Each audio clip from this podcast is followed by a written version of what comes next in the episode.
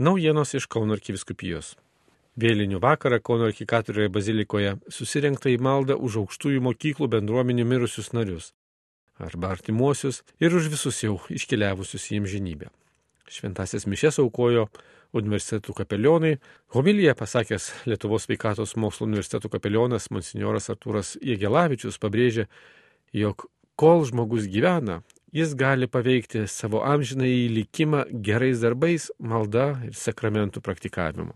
Tačiau bažnyčia kasmet mums primena, mirusiems reikia mūsų maldų. Svarbiausia, brangiausia malda yra švenčiausioji Jėzaus Kristaus auka arba šventosios mišios, aukojamos už mirusius. Krikščionis nebijo mirties, krikščionis rengiasi mirčiai kalbėjo monsinjoras Artūras Jegilavičius vėlinių vakarą Kauno arkikatorioje bazilikoje.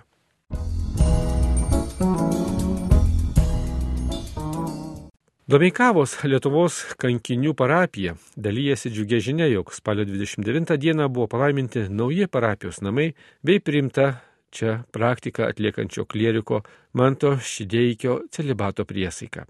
Šią progą parapijoje apsilankė ir jos namus palaiminęs Seminaristo priesaiką priėmęs kardinolas Sigitas Tamkevičius, taip pat Kauno arkivyskupas emeritas Lionginas Virbalas, Kauno antrojo dekanato dekanas monsinjoras Augustinas Paulauskas, kiti dekanato kunigai. O lapkričio 12-ąją, šeštadienį, 12 val. Domikavos bažnyčioje kardinolas Sigitas Tamkevičius suteiks ir klierikui Mantui Šidėjikiui diakono šventimus.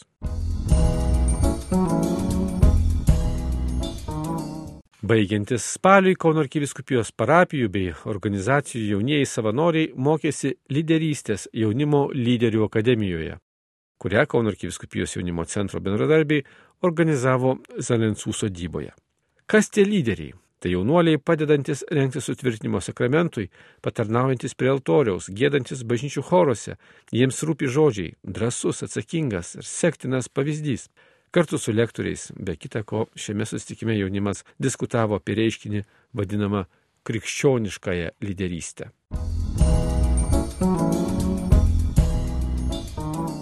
Praėjusį ketvirtadienį seminarijos bažnyčioje vyko maldos vakaras iš ciklo Jei tiki, kad Dievas gali ateik.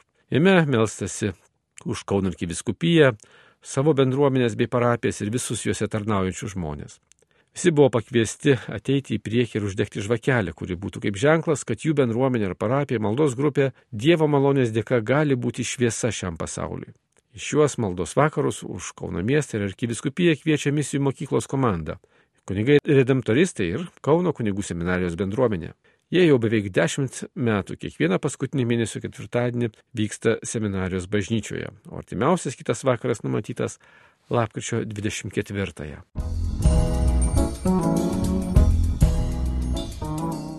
Baigėsi misijos mokyklos šių metų kursas. Šilovoje įvyko paskutinis šios mokyklos savaitgalis pasak organizatorių, ketvirtasis misijų mokyklos kursas buvo išskirtinis. Ir todėl, kad dalyviai vėl gyvai susirinko po pandemijos laikotarpio ir kad jie buvo iš visų Lietuvos viskupijų ir kad Dievas surinko pačią nuostabiausią žmonių grupę.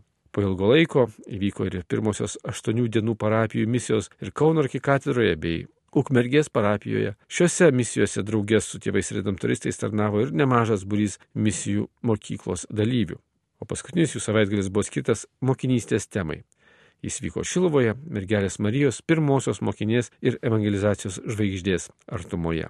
Po įvairių misijų patirčių vėl susirinkome draugė mokytis, kas maitina mokinį. Nepamiršti maldos, liturgijos sakramentų, Biblijos bendruomenės, dar kartą vieni kitus išgirsti ir padrasinti, kad dar aktyviau įsitrauksime į tarnystės savo parapijose ir bendruomenėse. Dalyjosi Vaidas Pangeliučių tiek neįžienė. Misijų mokyklos koordinatorė, ji jau kviečia pasižymėti savo kalendoriuose kitų metų sutikimų datas ir atkreipia dėmesį, jog norinčių į šią mokyklą būna daugiau nei gali priimti. O viena iš misijų mokyklos dalyvių liudijo. Šioje mokykloje labai aiškiai supratau, kad stiprus esam ne iš savęs, o iš vienybės su Kristumi, palaikydami vieni kitus maldą ir šypseną, kalbėjo misijų mokyklos absolventai. Sakralinės muzikos koncertu Vilniuje, Lietuvos nacionalinėje filharmonijoje bei Kaune, Kauno arkikatorioje bazilikoje bus paminėtas Lietuvos ir Vatikano diplomatinių santykių šimtmetis.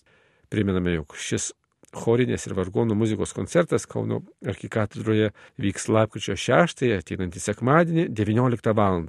Skambės lietuvių ir užsienio kompozitorių kūriniai chorui ir vargonams. Koncertuos vienas pagrindinių Vatikano vargonininkų Juanas Paradelis Solė, vargonininkė Renata Marcinkutė Liesijo ir Kauno valstybinis choras, kurio dirigentas Mindaugas Radzevičius. Šios ir kitos naujienos išsameu Kauno arkiviskupijos interneto svetainėje bei socialinio tinklo Facebook paskyroje. Marijos radijų iš Kauno Darius Chmieliauskas.